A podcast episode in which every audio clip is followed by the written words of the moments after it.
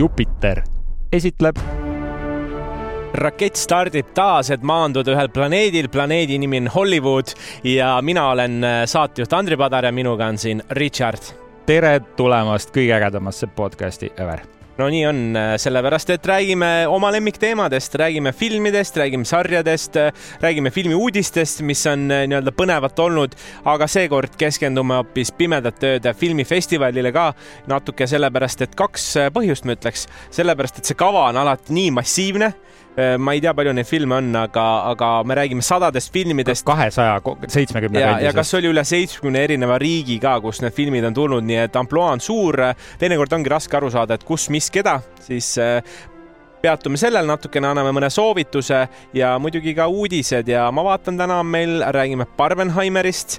see on üks uus huvitav film, mis on tulemas, kui keegi saab aru, viide Oppenheimerile ja Barbile ja see on päris värk. ja üks film, mida ei tule, aga ma ei ütle seda, sest muidu me räägiks kogu uudise ära. mis veel? ja, kaks väga suurt treilerit tuli eh, eelmisel nädalal ja sellel nädalal välja, räägime veidi nendest filmidest ning loomulikult ei saa üle ümber, ümber Marvelist seal on väidetavalt mingi suur kriis toimumas, mis seal täpselt toimub, selleks kuulakegi uudiste, meie uudisteprogrammi ja sa mainisid korra PÖFFi ja nagu annaks veidi niisugust sissevaadet, et miks meie Planeet Hollywoodis just PÖFFist räägime, et PÖFF on tuntud kui selliste väiksemate indie-filmide festival mm, -hmm. aga aina rohkem on ka tulnud päris palju suuri toodanguid sinna sisse, näiteks mina lähen täna vaatama Robert De Niroga filmi ja Anthony Hopkinsiga filmi, nii et eh, seal on nii väikseid filme, kuigi ka suuri publikufilme. ja mina tulin ka otse kinosaalist, nii et värskelt, eh, värskelt siia maandunud olen ja, ja ma arvan, et see mõte on õige, ega välismaa filmifestivalidel ongi eh, enamasti need suuremad filmid ja eks me kasvame koos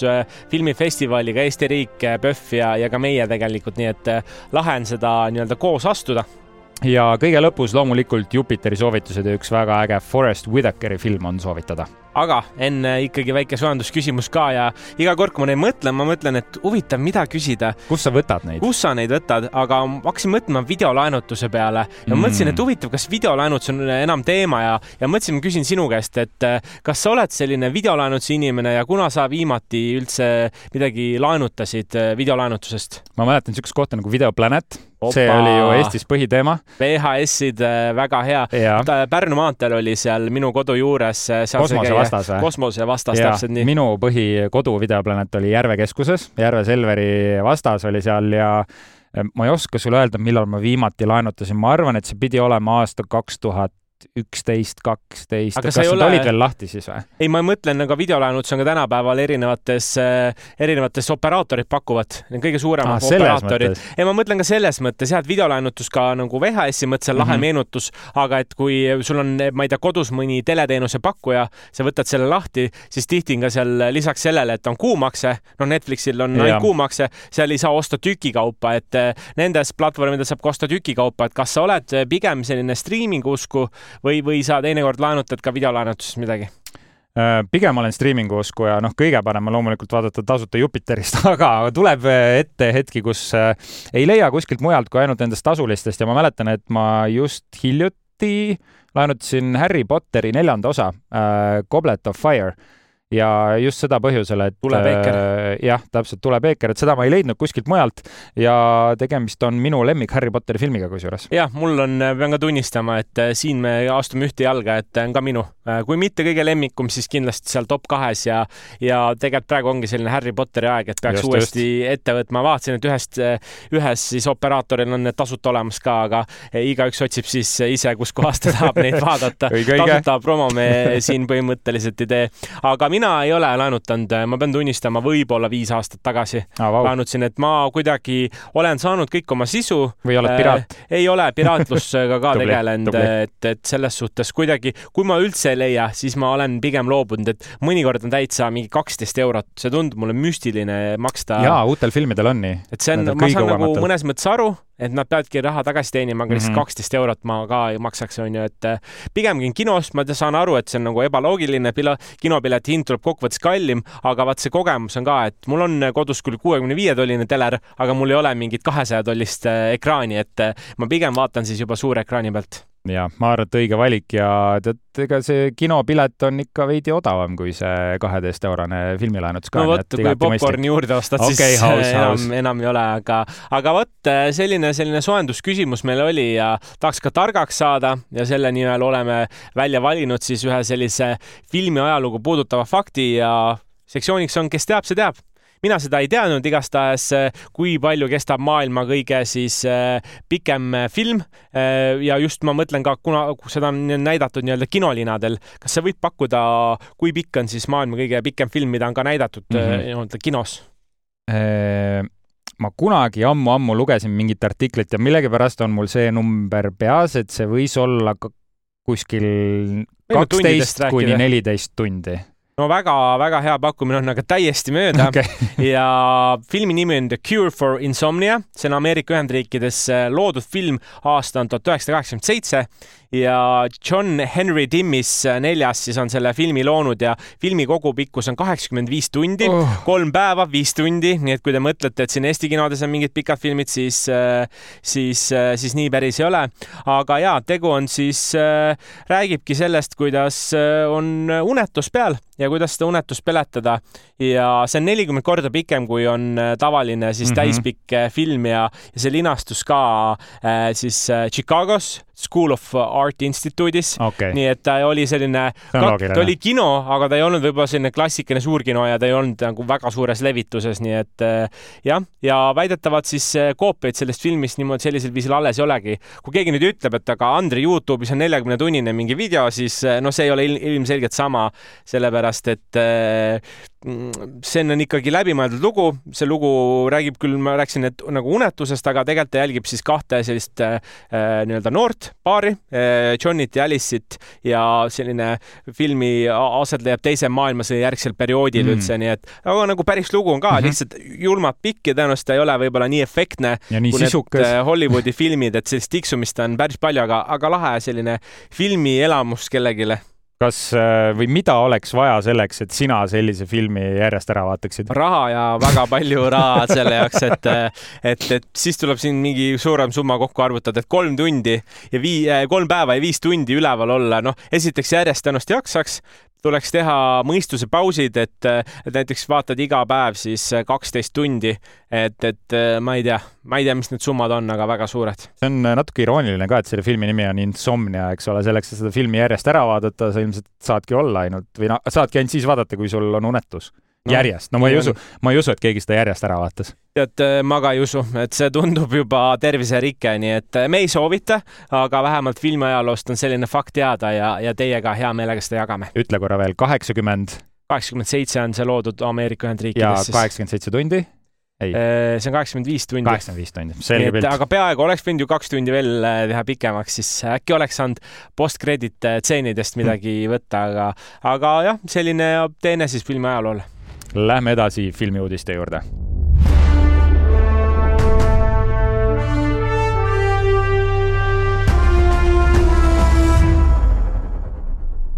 ja esimene uudis, ma korraks pidin oma nii-öelda silmamuna eh, korralikult puhastama, et aru saada, et kas see on nüüd nali või see on päris asi. sellepärast, et esimene uudis, mis mulle silma jäi sellest nädalast, oli, et Barbenheimeri film on Barbenheimer. töös ba, Barbenheimeri täpselt, äh, film on töös ja see ei ole nali.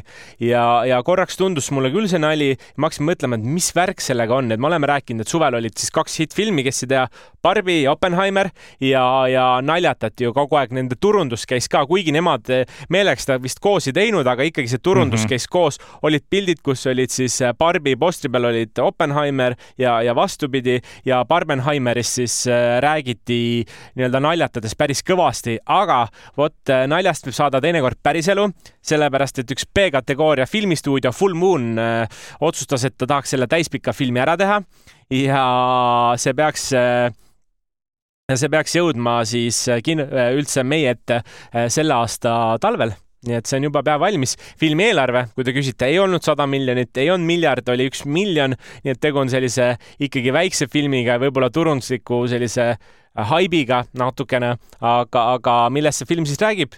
see räägib sellest, kuidas äh, sealsamas Barbi maailmas, Tollsville'il on siis äh, naisnukud, kes, äh, keda siis juhatab ees Barbenheimer, ongi doktor Barbenheimer on nukk siis ja tema proovib siis luua aatompommi, et patriarhiat siis välja kutsuda või nii-öelda seda staatust muuta, et, et väga huvitav mis saama hakkab. tõenäoliselt äh, on tegu umbes äh, sellise F-klassi filmiga, aga, aga inimesed on kõige, ma arvan, et oma miljoni äkki teenib tagasi, et inimesed on kõigeks valmis ja, ja äkki loodame meie südames, et kuskil on killuke, et ta on ka natukene vaatamist väärt jah, no eks see on kindlasti väga tugev turundusnipp ja selle pealt puhtalt üles ehitatud lihtsalt, mis on trending parasjagu, kusjuures filmistuudiod on varem ka sellist pulli teinud.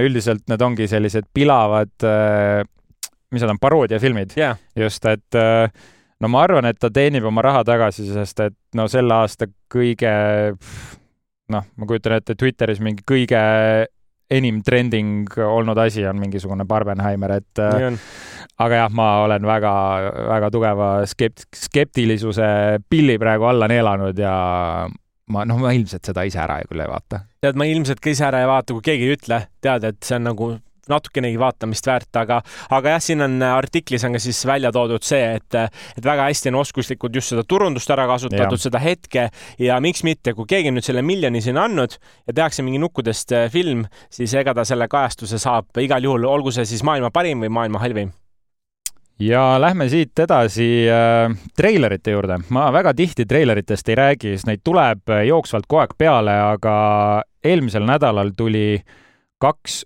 väga suure filmi treilerit välja. no nii Winny Puhhi kolmas Winnie osa. ja, ja tegelikult on äh, Ryan no. Goslingu The Fall Guy mm, -hmm. mis siis on ähm, äh, John Wicki lavastajalt David Leach teinud sellise filmi, kus Ryan Gosling mängibki filmi kaskadööri ja Emily Blunt mängib filmi režissööri.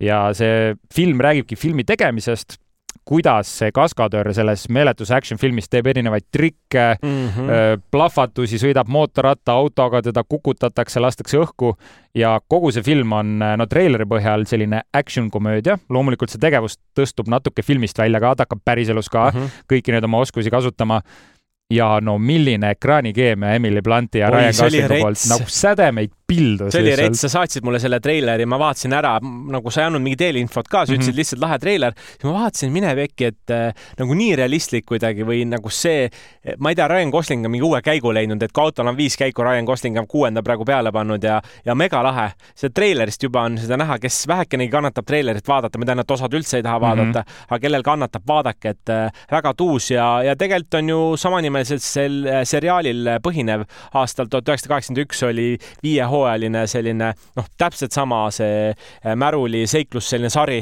Mm -hmm. kus, äh, kus tegelikult äh, prooviti ka sedasama teemat ajada, nii et on võetud mingi teema, mis on a la kolmkümmend, nelikümmend aastat tagasi olnud ja on uuesti siis ümber tehtud, aga filmina seekord ja, ja ma ütlen, treiler tundus äh, lahe, võib-olla selle aasta selline üllatusdraamafilm. on see sellel ei, aastal? see on, tuleb järgmisel aastal, kakskümmend kakskümmend neli ja mitte ka mm -hmm. draama, see tulebki action komöödia. ongi action komöödia. see, et ähm, mulle meenutas see film väga sellist Twenty One äh, Jump Streeti sarnast äh, vibe'i siis. ja loomulikult David Leach äh, mainisin, kes on teinud ka John Wicki filmi, on ka Atomic Blonde'i teinud ja on ise ka endine kaskadöör mm. -hmm. nii et väga hästi on aru saada, kus need paralleelid selles filmis jooksevad. ja mis minu jaoks oli väga üllatuslik, oli see, kui hea huumor selles treileris juba läbi tuli, et David Leach ise, noh, kaskadöör mm -hmm., action-filmide lavastaja komöödia on üks kõige raskemaid žanreid, mida on, teha. on. ja seda hästi teha, no sa pead meeletult andekas olema ja tundub, et David Leitch lõi selle naela pea pihta. no neid ebaõnnestujaid on sellel aastalgi mitmeid, kes komöödiaga mööda panevad, et äh, mul on tunne, et see komöödia žanr on vist äh, kõige raskemaid. on äh,, kindlasti. sellepärast head nalja tabada erinevates riikides, erinevates kultuurides, mis ei Eriti oleks solvav, mis ei oleks solvav ja mis oleks kuidagi edasiviiv, naljakas kõigile, no väga vähe, väga vähe jah, nii et eh, tehke omale teene, vaadake ära The Fall Guy treiler, te ei kahetse selles. Ja teine film, eh, mis on siis tulemas ka kahe tuhande kahekümne neljandal aastal ja mille treiler just tuli välja, on Kingdom of the Planet of the Apes tegemist on siis Ahvide planeedi uue filmiga ja see peaks nüüd olema sada aastat pärast neid eelmisi uh mhm. -huh. Ahvide planeedi filme, mida siis eh, Matt Reaves lavastas ja peategelaseks ei olegi enam see mm, Andy Serkise mängitud Caesar, vaid näeme uusi tegelasi mm -hmm. ja uut lavastajat samuti, kelleks on Wes Ball, kes minus tekitab natuke küsimärke, tema on siis lavastanud Maze Runneri filmid ja okay. tema nagu filmograafia ei ole nüüd nii ütleme. ta on rohkem selline seik-, seikluslik, on ju. ta on niisugune visuaalne ja selline möllu äh, filmide lavastaja, et siin Ahvide planeedis sul on vaja väga suurejoonelist action'it, aga sul on vaja väga sügavat sellist noh, ma ei saa öelda inimsuhteid, kuigi seal on inimesi ka selles uues äh, treileris, aga sul on väga tugevat sellist emotsionaalset siduvust ka vaja. Ja selle filmi treiler tegelikult meenutas mulle üldse Tim Burtoni Ahvide planeedi filmi, kus äh, siis ongi ahvid võtnud täielikult selle planeedi üle juba ja inimesed on need, kes on jooksus ja sellised nagu allasurutud rass seal mm. -hmm. nii et äh, midagi, ütleme nii, võib-olla jälle samuti natuke skeptiliselt ootan seda, aga see treiler, ütleme, sisendas palju ikkagi usku ja, ja kui mitte sisuliselt, siis visuaalselt see tuleb väga äge nii et vaadake ära Kingdom of the Planet of the Apes'i treiler. aga üks asi, mida tõenäoliselt ei tule ja ei tule mitte kunagi, noh, ei saa kunagi öelda, et ei tule kunagi, võib-olla kunagi ikkagi tuleb, aga sellist filmi võib-olla paljud teavad nagu Scarface, arminägu võiks olla mm. eesti keeles ja no omal ajal, kui ta kaheksakümmend kolm välja tuli, noh, tõeliselt hitt-film on IMDB-s ka muideks kaheksa koma kolm. kultuslik film, jah. kui ikkagi film saab kaheksa koma kolm, siis ma ütleks, et ta on kuskil nagu kõrgemal äh, tasemel ja, ja omal ajal oligi ta siis äh, väga korralik gängsterfilm äh,. Al Pacino oli peaosas, on ju, seal oli veel teisi näitlejaid, aga lihtsalt juba, kuna mõned aastad on jälle mööda läinud mm, -hmm. et äh, on äh, planeeritud selle järge ja seda järge on juba kaksteist aastat planeeritud ja vahepeal leiti ka režissöör äh, Luca Guadagnino ühesõnaga hääldasin ennast väga valesti, aga tegu on Itaalia režissööriga, kes mm -hmm. minu jaoks ei olnud väga suuri tuntud filme teinud, aga, aga tegelikult seesama režissöör ütles ka nüüd, et teate, tõmbame sellel asjal nagu stepslist juhtme välja, et ma, ma ei jaksa teha, sest see kreatiivne või see, kuidas taheti seda lugu viia, kõik, stuudio ütles ühte, režissöör ütles teist, äh, seal mingid näitlejad ütlesid kolmandat. tegelikult taheti selline gängsteri, suur gängsteri lugu edasi viia mm -hmm. ja mhm. võib-olla noh, mitte võib-olla, tegelasi kindlasti kindlasti vahetada, mingid seosed luua siis selle eh, vanema filmiga, aga no kuidagi ei saa, ma ütlen, viimased kaheteist aasta jooksul on seda mitu korda proovitud siis eh, käima saada. kui juba sul on eh, skript olemas, režissöör olemas, siis sul on vaja lihtsalt keegi, kes lükkaks selle käima, aga noh, see auto ei käivitu sellest on tõesti ammu räägitud ja mäletan vahepeal Diego Luna minu arust pidi mm -hmm. seda peaosa mängima seal ja no tundub, et see projekt on tõesti neetud ja, ja tundubki siis, et see päevavalgust ei näe. ma ei saa öelda, et mul liiga kahju on, ma ütlen, ma ei ole selle originaalse Scarface'i väga suur fänn. Äh, kui ma peaks valima gängsterifilmide vahel, siis pigem võtaks Goodfellasi või Godfatheri mm. -hmm. Scarface, noh ma ei tea, andke veel mingi kakskümmend aastat, võib-olla siis äh, saab sellest teha midagi ägedat no,. Scarface'iga mul endal meenub see arvutimäng oli Scarface'i oma ja see oli küll ülivinge, kui see kunagi viisteist aastat tagasi välja tuli, aga, aga tõesti, mul ka väga kahju ei ole, aga ma tean, et paljudel eh, just eh, selle žanri armastajatel on kahju ja tegelikult stuudiol on ka kahju. stuudio on valmis, eh, raha on olemas, fännid on valmis, aga pole tegijaid, mis näitab ära seda, et midagi on seal väga valesti ja kui asjad on valesti, ega siis nad ei kipu väga hästi välja ka tulema, nii et see jääb nüüd minevikku. aga stuudio, kus on samuti asjad päris hapud, on üllatus-üllatus, Marvel kas sa oleksid arvanud, et eh, selline filmistuudio nagu Marvel võib eh, sattuda Pankrotti kriisi? vot eh, pankrot on veel vara öelda, see tegelikult uudis tuligi siis, et Marveli stuudios on väidetavalt kaos ja põhjuseid on siin mitmeid. üks suuremaid on näiteks ehm, Jonathan Majorsi juriidilised probleemid, siis on VFX-i kunstnike kriis, VFX-i kunstnikud on siis need, kes animeerivad kõike ning meeletult huu, suur hulk sisu on see, mis äh, on peale tulnud. Ja kõik need asjad kokku on siis äh, põhimõtteliselt tekitanud nüüd kriisi ja vaatame korra nagu üksipulgi läbi ka need teemad, mida ma mainisin, et äh, Marvelil on olnud probleeme juba pärast Endgame'i filmide kvaliteedi osas ja nüüdseks see meeletu sisu pealetulek ja sarjade filmide näol on tõmmanud nende, no tõmmanud nende aktsiat alla noksijan täiega all, aga, aga tõenäoliselt tasub Taylor Swift lihtsalt palgata appi, et mm. siis lähevad asjad paremaks. selline väike soovitus vahele, aga, aga tõesti, noh, sellest me oleme rääkinud, kvaliteet on langenud, aga minu meelest tulid ka ju Miss või selle Miss Marveli või Marveli uue filmi nii-öelda eelkassa tulu ja see on jäänud alla ka isegi teistele, teistele filmidele, nii et hapuks veel läheb, mul on tunne. jah, see Marvelsi punkt oli mul kusjuures siin viimasena välja toodud ah, ka ja see ongi, kõik on hästi, sa oled asjaga kursis, et siis Marveli filmiprojektsioonid olid madalad ja piletite eelmüük on olnud madalam kui DC kõige halvema filmi eelmüük. aga mis see oli? ma summat ei tea, aga, aga noh, kui see juba mäletad või? Mis film see võis olla? vot ma ei tea, DC-l on nii palju neid äh, box office Ai, pomme olnud, et äh, ma ei oska sulle täpselt seda öelda, aga no see näitab, et äh, Marvelsi filmi ümber ei ole väga haipi. rahvas on väsinud sellest ja paar episoodi tagasi me rääkisime ka, kas see superkangelaste väsimus on reaalne. mõlemad me arvasime, et see on reaalne.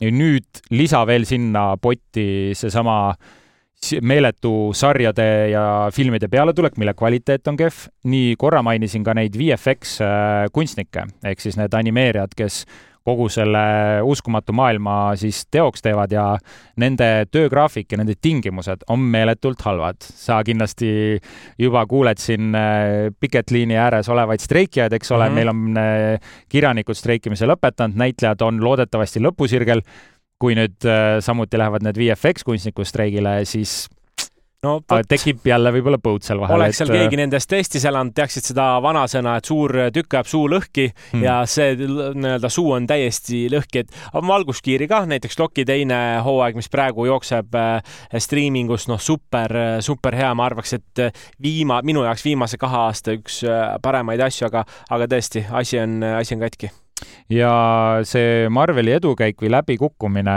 siis on ka paljuski seotud nende näitlejate valikuga, et äh, pärast äh, ongi Robert Downey Jr ja Chris Evansi ja Scarlett Johansoni ja paljude teiste minekuga on äh, uus cast tekitanud probleeme ja selleks on seesama mees, keda ma mainisin korra, Jonathan Majors, kelle najale siis pidi kogu see uus Marveli faas ennast üles ehitama.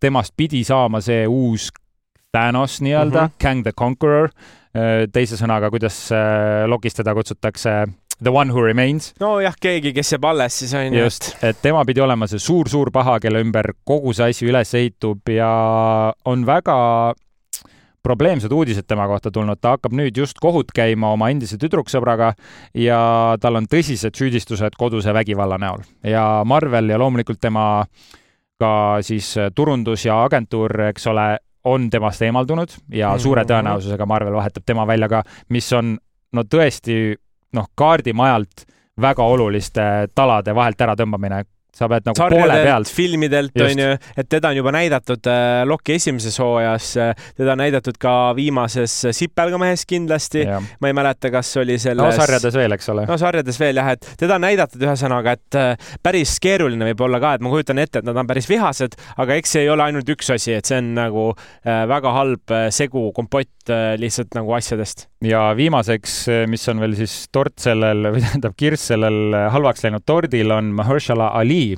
kes mängib tulevases Marveli filmis Blade'i ja ka kogu see film ja produktsioon on olnud suure küsimärgi all, sest et on meeletult palju erimeelsusi olnud. režissöör on mitu korda vahetunud ja Mahershala Ali peaaegu ise ka lahkus projekti juurest, sest ta ei olnud rahul selle skripti ja selle looga, mida nad rääkida tahtsid.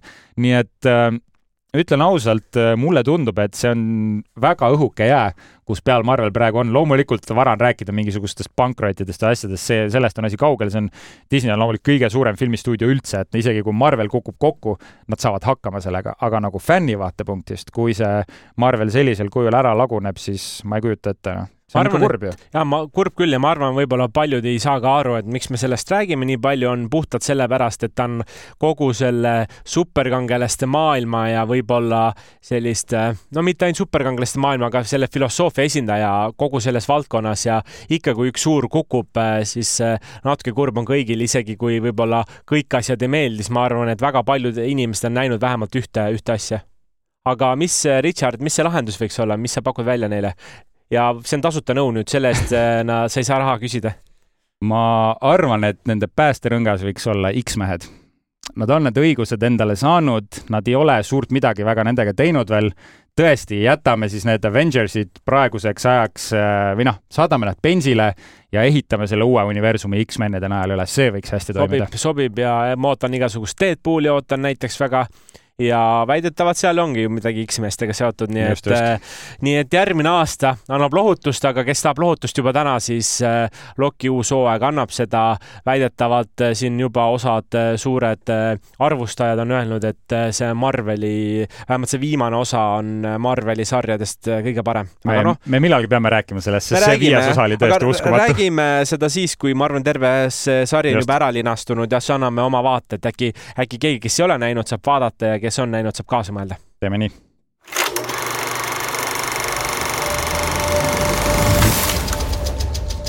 nüüd hakkame rääkima nädala naelteks ja selleks tõmbame hundimaskid ette ja hakkame ulguma ja, ja alusta, Richard, seekord sina, sa käisid vaatamas ühte äh, sellist suuremat Suurbritannia filmi, mul on paar väiksemat filmi, nii et, et hakkame siit järjest võtma. ja mina käisin vaatamas sellist filmi nagu Kõik me võõrad ehk All of us strangers uus Suurbritannia film see on ja žanriliselt ütleks, et ta on niisugune romantiline draama ning muinasjutt ja see film räägib loo eh, mehest nimega Adam, keda mängib Andrew Scott, kes on kolinud hiljuti uude kortermajja Londonis. ta on üksildane ja elust vaevatud ja peale tema elab seal majas veel üks teine mees, Harry uh, -huh. keda mängib eh, Paul Mescal, kes on praegu hot stuff Hollywoodis. ja kui mehed kohtuvad, tekib nende vahel side ning lahti hakkab rulluma armastuslugu paralleelselt aga näeme, kuidas Adamit mõjutab eh, lapsepõlves surma saanud vanemad ning kuidas ta hakkab aina rohkem nendele mõtlema ning kujutab ette, kuidas ta neile külla läheb, justkui nagu oleksid nad veel elus ning samas vanuses, nagu nad tookord olid, aga mitte nagu ajakapslis, vaid sellises seisundis, nagu nad oleksid päriselt kuidagi ikkagi elus mm. -hmm. selline unenäod, kujutlus ja reaalsus hakkavad selles filmis hägustuma ning näeme, kuidas Adam siis kogu selle leinaga toime tuleb no tundub päris selline soliidne nagu kunst. edasi, edasiviiv jõud. ei, ma ei mõtelnud kunsti, aga, aga enne kui me veel sellest edasi räägime, ma mõtlesin, võib-olla see küsimus on paljudel ka, et, et vaata Buffy, Buffy filmidega on see, et näidatakse võib-olla ainult üks kord, et kes mm -hmm. seda näeb veel ja ma võin ära juba öelda, et sedasama sinu filmi Kõik me võõrad näeb siis äh, veel kahel seansil mm -hmm. PÖFFi ajal. üks on kaheksas november kell kaheksateist null null ja teine on siis kolmteist november kaheksateist null null, nii et kui keegi nüüd nende kirjelduste ja juttude peale tunneb, et tahab vaadata, siis siis ei ole veel midagi kadunud.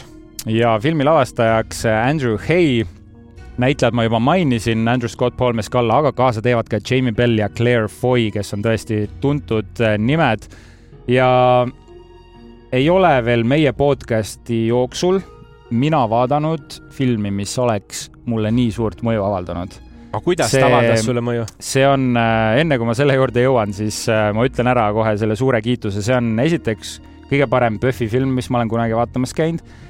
ja see on kõige võimsam kinokogemus, mis mul on kunagi olnud. jah, kõik Endgame'id, asjad jäävad sinna kõrvale, see on Päriselt? täiesti teistsugune, see on täiesti teistsugune kinokogemus. ja see on ilmselt top kümme filme, mis ma olen üldse kunagi näinud no näed, ja tegelikult seesama film, kes nüüd PÖFFile ei jõua, siis see tuleb, peaks veebruaris ka veel kinodesse jõudma nii-öelda suure linastusega ka, nii et eh, me sellest ilma igastahes jää, aga, aga vau, see on, eh, see tundub täiesti uskumatu, et sa said nii hea kinokogemuse. aga mis selle sinu jaoks selle kinokogemuse terviklikuks tegid, et, et mis need faktorid oli, miks see on nii hea?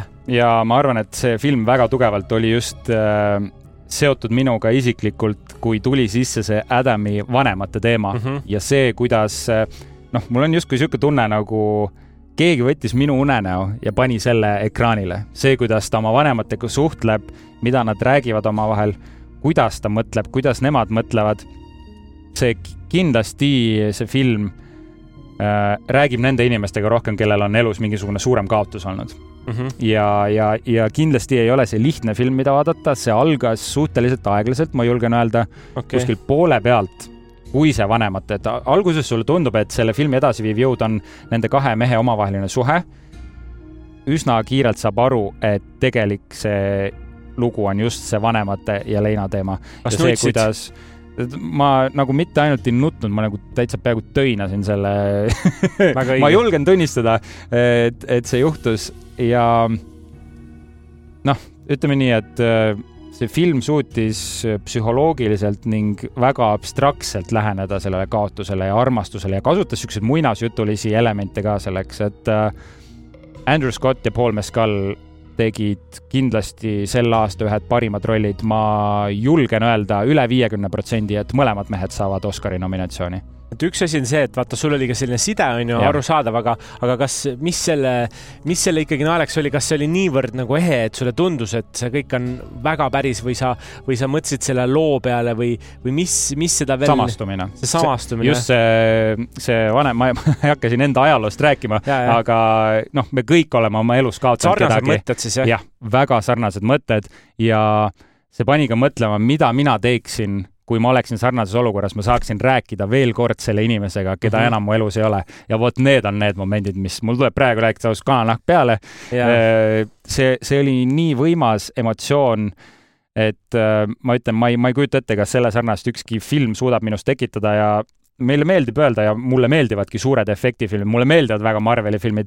see on nüüd niisugune film, mis suutis no väga teistmoodi minus väga tugevaid emotsioone tekitada. no tundub, et hakkab veel maailmas äh, laineid äh, lööma, ma arvan, järgmine aasta näeme ka täpsemalt, aga kui sa mõtled selle peale, et äh, kas sind midagi häiris ka, kas sa selle filmi ajal mingi hetk mõtlesid, et no, ma ei tea, see koht on nagu kuidagi imelik või, või see lugu ei köida mind või, või hakkas sul igav või mis see on nagu, vaata igas heas mm -hmm. asjas nagu rumal on otsida seda negatiivset, aga õige. samas alati midagi, mis kuidagi, no ei tea, see ei olnud päris see.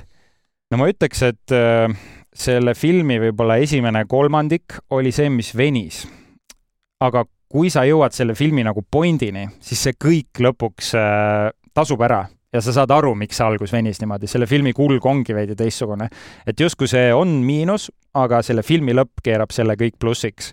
ja, ja ma ei ütleks, et ta on ainult selline raske draama ja mõtisklemine ja selline emotsioonides olemine, seal oli ka väga lahedalt äh, efekte kasutatud ja just seda, kuidas üks inimene võib unenägusid näha mm.. ja just see pool oli ka, et seal tõesti nagu paar niisugust päris hirmsat momenti tekkis ka, sest unenäod võivad väga õudsed olla.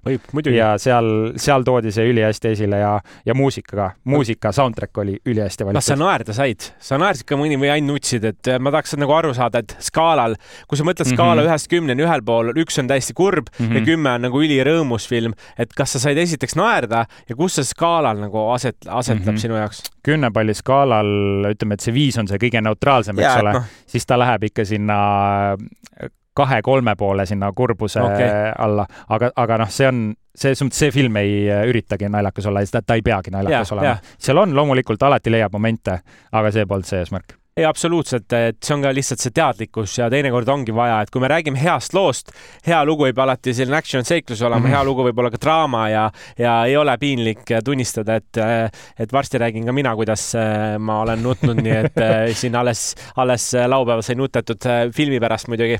aga kui sa mõtled nüüd skaala peale, et kellele soovitada mm, -hmm. siis sa võid isegi, sa ei pea rääkima, et vend või vanaema, aga sa võid öelda nagu profiilid, kes sulle, kes sulle tundub, see võib-olla noorematele, siit vähemalt jääb jutust mulje, et pigem noorematele mitte, onju. ma arvan ka, et see on äh, kaheksateist ja edasi ja, ja sealt seda lõppu ja enam peale kaheksateist ei ole, sest et ta räägib ühelt poolt äh, nagu, no see peategelane on kuskil kolmkümmend viis aastat mm -hmm. vana, aga kuna seal on see vanemate teema ka sees, siis äh, noh, see, see sobib tõesti igale põlvkonnale ja üks asi veel, mis ma tahaks väga lisada, vaata, ma mainisin seda, et selle Adami vanemad on justkui temaga ühevanused mm -hmm. ja kui ta temaga kohtub, siis nad on samavanused ja no, okay. päris ohtlik on nagu kui sa tood vanemad ja tema lapse täpselt samasse vanusesse, sul tekib niisugune fake tunne, et kuidas see, need on ju näitlejad, kes lihtsalt kuidagi on toodud mm -hmm. siia mhm. filmi, ei teki nagu seda isa-ema tunnet, siis selle filmiga mitte kordagi. niipea, kui ta, sa alguses mõtled, noh, nagu vend ja õde omavahel, eks ole, aga see suhtlus, see hoiak, see olek kohe anti edasi see, et need on tema vanemad ja kui ta neid nägi, siis ta justkui nagu käitus ka nagu väike poisike ja see kõik, see dünaamika oli hästi paigas. Ma ei tea, kas ma olen kunagi ühtegi filmi nii palju kiitnud no tundub, et äh, mitte, aga see on äh, väga okei okay., nagu ma ütlesin, siis äh, kaheksas ja kolmteist november on veel seansid olemas, kes praegu ei jõua, siis vähemalt praegu oli, et veebruarikuus tuleb ja, ja, ja ainulaadne võimalus tegelikult näha, et ma vaatasin Londonis ja New Yorgis näidatakse ka tegelikult väga sellised valitud, hoolikalt valitud nii-öelda näitamised üle maailma ja, ja väga lahe, et sa oled juba näinud seda. ja sihukest asja pole ma ka varem näinud, et selle filmi ajal oli saalis kaks turvameest, kes käisid üles-alla mööda ridasid ja aktiivselt vaatasid, kas inimesed võtavad telefoni välja. see on see, see, need olid reaalselt nagu löögirühma vestides turvamehed. aga võib-olla ongi see, et see on järgmise aasta ka nii-öelda Oscari Just. kuskil valikus, et, et nagu sa ütlesid alguses, ega see, et me sellest äh, siin räägime, see tähendab ka seda, et see film võib vabalt väga suureks äh, siin lähiajal saada ja aga minnes siit edasi ka ühe filmini ja selleks on äh, film nimega Kellele ma naeratan ja tegu on ka siis PÖFFi äh, filmiga ja täpsemalt seal PÖFFi all, ma ei tea, kui palju inimesed üldse teavad ja palju sa ise tead, on ka erinevad äh, alamkategooriad ja üks selline äh, alamkategooria ongi just film, mis on siis laste ja noorte filmifestival. Ja kui te mõtlete, et see tähendab seda, et ainult lapsed ja noored teevad seal filme, ei, need on filmid, mis räägivad lastest ja, ja noortest, seal on ka positiivseid filme, seal on ka selliseid Jaapani animatsiooni stiilis asju, seal on natukene tõsisemaid asju, kellele ma naeratan kindlasti üks, üks sedasorti, on ka ka lõbusamaid, nii et eh, tuleb lihtsalt kavast leida endale see asi ja minu arust see kava on üli nagu mugavalt, et järgmine nädal me natuke räägime ka sellest eh, kavast ja anname veel konkreetseid soovitusi, täna me neid eh, noh, teeme, aga täna me räägime siis kahest, kahest filmist on ju. järgmine nädal me võib-olla viskame mm -hmm. rohkem mõtteid, nii et kui keegi veel tunneb, et ta tahaks saada soovitusi, siis järgmine nädal kindlasti kuulake, on erikülalised ka tulemas meile. aga nii filmiks siis Kellele ma naeratan ja võib-olla mulle endalegi üllatuseks, äh, et see on dokumentaalfilm, see kuidagi nagu täpselt minu vastand, mida ma muidu mm -hmm. vaatan. mitte, et mul oleks dokumentaalfilmide vastu midagi, ei, mul ei ole, tegu on ka Eesti toodanguga, mul ei ole Eesti toodangu vastu ka midagi, aga lihtsalt see lugu, kui ma kuulsin seda, siis ma mõtlesin, et mine pekki, et see on nagu kõige raskem asi, mida ma lähen kinno vaatama. Ja ei olnud väga palju raskem on vaadata ka näiteks Hollywoodi filme, mis on väga halvasti tehtud. Mm, -hmm. et need, seda on nagu palju raskem vaadata ka, kui ikkagi ma hakkasin mõtlema selle peale, et mis on nagu kuidagi oma baas äh, nagu elementidele, et mis on oluline filmi puhul või selle dokumentaali puhul, et äh, kui ikkagi on see lugu, mis kuidagi kõnetab, nagu sinu puhul oli ka see teise filmi puhul ka, siis, siis see on nagu edasiviiv jõud, aga see konkreetne lugu nüüd räägib sellest, kuidas siis noor naine Mari seisab silmitsi viimases staadiumis vähiga ning samal ajal peab ta tulist võitlust oma laste hooldusõiguse pärast, sellepärast et isa elab siis välismaal mm, -hmm. tema elab Eestis ja tal on, kõigepealt tal on kaheteistaastane poeg Oliver ja noh, Oliver ongi siis selle filmi peategelane.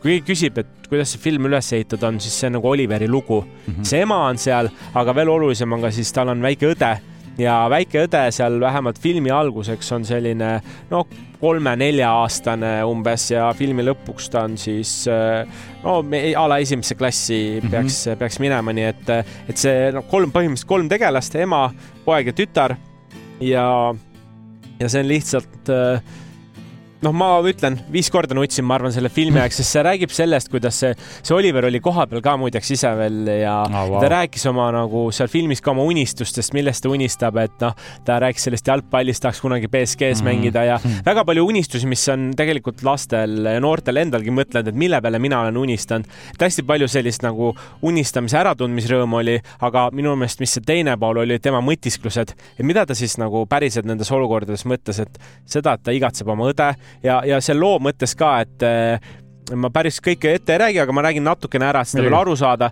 et hakkaski film sellega, et olid siis eh, Mari ja Oliver olid koos ja ema saigi teada, et tal on vähk mm -hmm. ja tükk aega vist käis, kaheksa kuud käis võitlus selle nimel, et see saada siis oma, oma tütar alla. saada tagasi ah, mm -hmm. ja nad said selle tütre siis tagasi ja nad elasidki mingi aja koos siis eh, kolmekesi, kuni üks hetk ema suri ära mm -hmm. ja vot siis see trall, mis tuli nagu pärast seda ja, ja kuidas see Oliver ise hakkama sai. kui vana Oliver oli? Oliver äh, oligi kaksteist selle loo mm -hmm. alguses, vahepeal ta seal oli kolmteist, neliteist ja nüüd ta on juba viisteist, onju. aga lihtsalt äh, väga liigutav lugu Eesti inimeste seas ja kui keegi küsib, miks seda vaadata, siis ma ütleks, see on sisevaade nagu Eesti ellu, Eesti päris ellu ja mis asjad nagu juhtuvad ja tegelikult, kuidas inimesed ka hakkama saavad, et äh, minu jaoks oli selline üliraske asi nagu see vähiteema ja selle kogu selle nii-öelda, see kohtuasja üldse muideks ei mm. näidanud, ainult räägiti, kui te arvate, et siin oli nagu selles suhtes dokumentaal, et ta näitas ülipalju nagu, mis toimus. ta näitas Oliveri nagu, kuidas Oliver käis pargis ja mõtiskles ja mõtles ja mängis palli ja, ja ta näitas nagu läbi Oliveri silma, silma ja Oliver ise oli ülioptimistlik mm -hmm. ja sellepärast oligi nagu kurb vaadata, et kui sa vaatad, et üks nagu noor inimene on nii tugev ja nii optimistlik ja siis su elus juhtub nagu kaos ümber. Ja kuidas seal ellu jääda, et ta oli nagu kohati inspireeriv, ta oli vihale ajav nagu, et mis toimub, mis need ametnikud äh, teevad, sest seal oli üks selline tsitaat, et miks seda last näiteks tagasi ei antud sellele naisele, öeldi seda, et aa, et ta niikuinii ei jaksa seda süllegi võtta nagu mis argument see on, seal oli pärast väike diskussioon ja siis Indrek Vahaja, kes viis seda nagu paneeli mm -hmm. läbi, küsis, et aga eh, Oliver, kas ta sind oleks jaksanud sülle võtta või? et noh, paljud vanemad jaksavad võtta mingit eh, kümneaastast juba enam sülle, et noh, see ei ole argument, et natuke näitas ka seda nagu ametnike poolt, aga, aga jah, selline täiesti teistmoodi lugu, et film, mida ma võib-olla mitte kunagi muidu ei vaataks, aga seekord ma vaatasin ja, ja see pealkiri, kellele ma naeratan tõesti nagu, kellele sa mm -hmm. oma elus eh, naeratad väga hea pealkiri, väga sügavmõtteline ja, ja pean ka tunnistama, ma pole PÖFFil ühtegi dokfilmi vaatama läinud. see tekitas mus palju huvi ja, ja ma pean tundma, see oli ka tegelikult just filmi avafilm, et see ei olnud mm., see ei olnud lihtsalt nagu suvaline dokumentaal, vaid see oli ikkagi äh, valitud ma korra hakkasin nagu, see oli nagu nii hästi tehtud ja ma korra mõtlesin mm, -hmm. et eks see ei ole nagu dokumentaal, onju. ma küsisin enda peas alguses, et kas see naine nagu näitleb, sest see Mari, kes seal äh, nii-öelda on see ema, kes ära suri, ma nagu ma arvasin, et ta on nagu näitleja, kes näitab seda, aga tegelikult oli päris nagu mm -hmm. asi wow., et see oli nagu, see oli nagu sürreaalne ja ma vaatasin ka, et kui keegi tunneb, et tahab seda nüüd vaatama minna, siis kaheksas ja kuusteist äh, november on olemas, et vaadake need äh, kavad, kavad ise üle ja väga-väga aus, see treiler on ka olemas, nii et väga aus selline sisevaade ja kuidas selle filmiga on siis, äh, millistele inimestele või millisele sihtgrupile seda soovitaksid või kõigile? ma arvan, et ei, ma soovitaks seda väga konkreetselt, kui keegi tunneb, et elust on nagu midagi puudu äh, või on nagu tunneb, et vahepeal on selline nagu veider, tühi, imelik olla, et mul on tunne, et mingis eluetapis lihtsalt me kõik otsime nagu ennast ja, ja, ja nagu päris ei leia, et ma arvan, et see on lihtsalt sõõm värsket õhku nagu selles maailmas, et mis probleemidega sina oled, mis probleemidega teised on ja kuidas sa saaksid oma elu võib-olla paremini elada, et, et ma ütleks küll, et keegi tunneb, et tal sellist elust natuke inspiratsiooni vaja,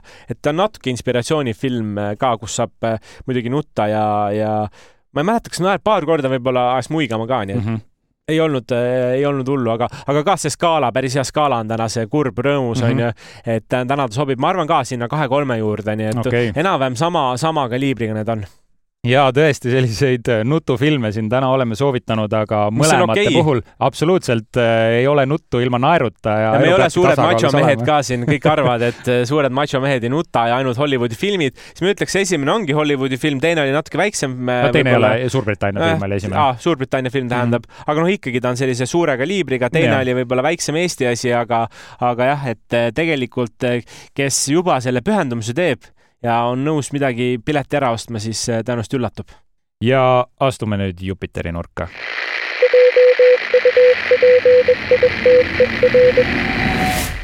oleme rääkinud siin äh, kurbadest filmidest, emotsionaalsetest filmidest, äh, dokfilmidest räägime nüüd ühest äh, tempokast action filmist yeah., seda saab äh, Jupiterist vaadata ja Jupiter on siis ERR-i tasuta reklaamivaba kõige parem voogedastusplatvorm, kus saab kõik ERR-i sisu kätte saada, seal lavastuslikke sarju vaadata, doksarju, reisisarju, kasvõi AK-d ja ka otsekanaleid, ETV kõiki kanaleid. aga loomulikult, mis mul silma kõige rohkem särama paneb, on ikka Hollywoodi no julgeks öelda action film, milleks on Kummituskoer Samurai tee. ja no, Kummituskoer ongi siis selle filmi üks tegelane ja ta on äh, põhimõtteliselt tänapäevane samurai, kes elab isetehtud varjualuses mahajäetud hoone katusel koos puuritäie tuvidega. ja ta järgib siis vana samuraide õpetust ja on suuteline jääma siis kogu linnas oma tegevustega selliseks nähtamatuks, on selline incognito tänapäevane samurai, keda mängib Forest Whitaker ja kui ta saab maffiasündikaadi poolt äh, käsu tappa oma ainuke sõber ja see sõber, kes on kunagi ta eluga päästnud, hakkab siis äh, vastavalt samuraide eetikakoodeksile kätte maksma Wow, see on äh, see tundub üks... eepiliselt natuke segane. just, täpselt, see on jabur ja selle filmi lavastaja Jim Jarmusch on tuntud kui selliste filmide tegija ja no ütle, mis tundeid see film sinus praegu tekitas? ma olin, et äh, väga nagu hea üleminek oli nendelt teemadel nagu väga jabur action'i peale äh, koer, kas see on nagu päris äh, koer mängib äh...? ei, ei, kummituskoer, see on Forest Whitaker äh, ehk siis aa ah, okei okay,, see on nagu selle karakteri nimi. ma kuidagi mõtlesin nagu, kuidas see koer nagu seal mõõgaga käib, sest ma vaatan IMDB-s on sellel seitse koma viis, et ja. väga nagu selge hinne on sellel ja tekitas huvi küll. kui ma nüüd sellest koera vaatepildist saan nagu edasi sinna, et tegelikult seal on päris inimene mängib, siis see läks kuidagi paremaks, et ta tundub selline skaala segane, segane ja normaalne sinna ikka segase poole poole nagu hullult oo oh jaa, ja, ja, ja kusjuures koera mainides siin filmis on äh, koer ka väga tähtsal kohal, nii et selles mõttes seda on sees, aga noh, selle nagu äh, karakteri enda nimi ongi siis Ghost Dog selles ah, filmis okay, ja okay. nagu mainisin, äh, peaosaline Forest Whitaker, kes siis on Oscari võitja ja teinud filmis kaasa Šotimaa viimane kuningas, nii et siin on seda meelelahutuslikku Hollywoodi, siin on niisugust mm -hmm. veidrat arthouse'i ja siin on ka Oscari kaliibriga näitleja, nii et pane need kõik kokku ja see kompott ongi Jupiteris olemas. aga mis, mis seal veel head on? no loomulikult, kes tahab veel PÖFFi intekaid ja selliseid telgitaguseid kuulda, siis äh, iga-aastane saade PÖFFi kaheksa ja pool, mida toodab siis ERR-i kultuuritoimetus ja seal juba esimeses osas saabki Tiina Logiga intervjuud kuulda, kus äh, noh, ta annab ülevaate, mis kavasse on tulemas, kuidas PÖFF üldse toimub ja noh, ütleme, et äh, väga hea sissevaade, kes tahab veel äh, sügavuti siis PÖFFi kohta ja teada. kes ei tea, kes ta on, siis ta on see boss, ta on see, kes äh, festivali juhib ja kes seda on meile toonud, nii et kui temal ülevaadet ei ole, siis ma ütlen, et ei ole kellelgi, aga tõenäoliselt on tal ikkagi väga hea ülevaade ja üks mees, kellel on äh, fantastiline ülevaade ja PÖFFi kava ise paika pannud, on äh, Mikk Randström, kes tuleb mm -hmm. meile järgmine nädal külla ka rääkima ja siis saamegi igasuguseid äh, väiksemate filmide kohta tema käest küsida ja ka suuremate Hollywoodi filmide ja üldse teeme sellise PÖFFi erisaate järgmine nädal ja Andri, sina oled ka väga ägeda külalise meile saanud. ja tuleb üks noor filmitegija, Aaron Thor Härm ja tema on siis eelmisel aastal võitnud võitnud sama selle Just filmiga eh, noore filmitegija konkursi ja tiitli ja natuke räägikski sellest, kuidas üldse eh, sellisel noorel tegijal filmi teha on ja mis tema üldse soovid ja unistused on, nii et eh, natuke teistmoodi, aga proovime selle inspireerimislainel täiega olla ja, ja ärge muretsege, need Hollywoodi suured filmid, näljamängud, Marvelid ja nii edasi, et need me toome siis juba pärast seda erisaadet kõik ka teieni täpselt nii ei saa ilma Marveli ja näljamängudeta, aga selleks korraks oleme joont alla tõmbamas. Meil on päris, siis ma tunnen, päris sisutihe osa olnud, me oleme üsna lühikese ajaga hakkama saanud, aga ma tunnen, et palju emotsioone on lennanud ja ma arvan küll, täna oli teistmoodi just selles mõttes, et äh, natuke ka haavatavam olla ise, onju, aga, aga lihtsalt ka see, et äh, võib-olla rääkida asjadest, millest me muidu ei räägi, et äh, kui keegi valesti aru ei saaks, ega meil ei ole, kui me jätame Hollywoodi välja, ega teised filmid ei ole tabu meie jaoks, lihtsalt hea hetk, kus kinos nagu sisuliselt ei ole midagi lahedat praegu, välja arvatud nende PÖFFi asjade, nii et tasub rääkida sellest, mis on ja, ja üldse ongi võib-olla hea ennast teisest küljest ka näidata täpselt nii, aitäh, et olite meiega ja näeme ja kuuleme juba järgmisel nädalal. tšau.